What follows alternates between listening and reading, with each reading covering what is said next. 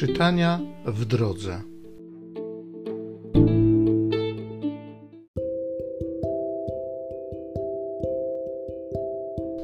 Z księgi proroka Ozeasza. Tak mówi Pan. Wyprowadzę oblubienicę na pustynię i przemówię do jej serca. I tam odpowiem jej jak w dniu, w którym wychodziła z ziemi egipskiej.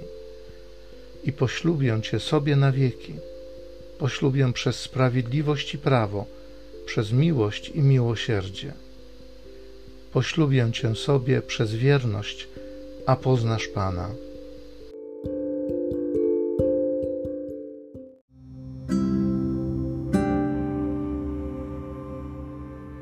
Z Psalmu 45 Posłuchaj, córko, spójrz i nakłoń ucha. Posłuchaj, córko, spójrz i nakłoń ucha. Zapomnij o swym ludzie, o domu swego ojca. Król pragnie Twego piękna, on Twoim Panem, oddaj mu pokłon. Córa królewska wchodzi pełna chwały, w złotogłów odziana. W szacie wzorzystej do króla ją prowadzą, za nią przywodzą do Ciebie dziewice, jej druchne. Wiodą je z radością i w uniesieniu, wkraczają do królewskiego pałacu. Synowie Twoi zajmą miejsce Twych ojców, ustanowisz ich książętami na całej ziemi. Posłuchaj, córko, spójrz i nakłoń ucha.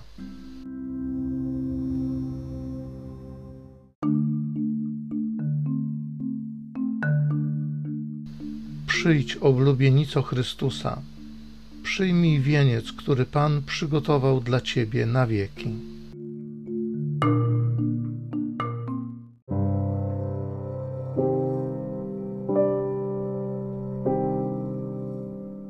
Z Ewangelii według świętego Mateusza.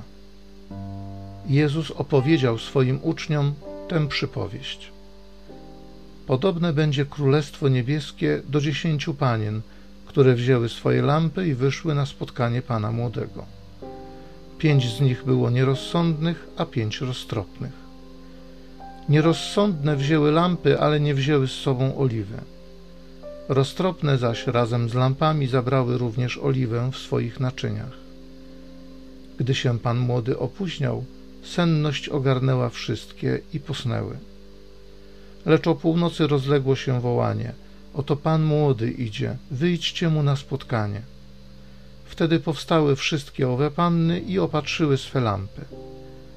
A nierozsądne rzekły do roztropnych: Użyczcie nam swej oliwy, bo nasze lampy gasną. Odpowiedziały roztropne: Mogłoby i nam, i wam nie wystarczyć. Idźcie raczej do sprzedających i kupcie sobie.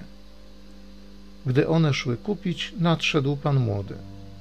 Te, które były gotowe, weszły z nim na ucztę weselną i drzwi zamknięto. Nadchodzą w końcu i pozostałe panny, prosząc: Panie, panie, otwórz nam.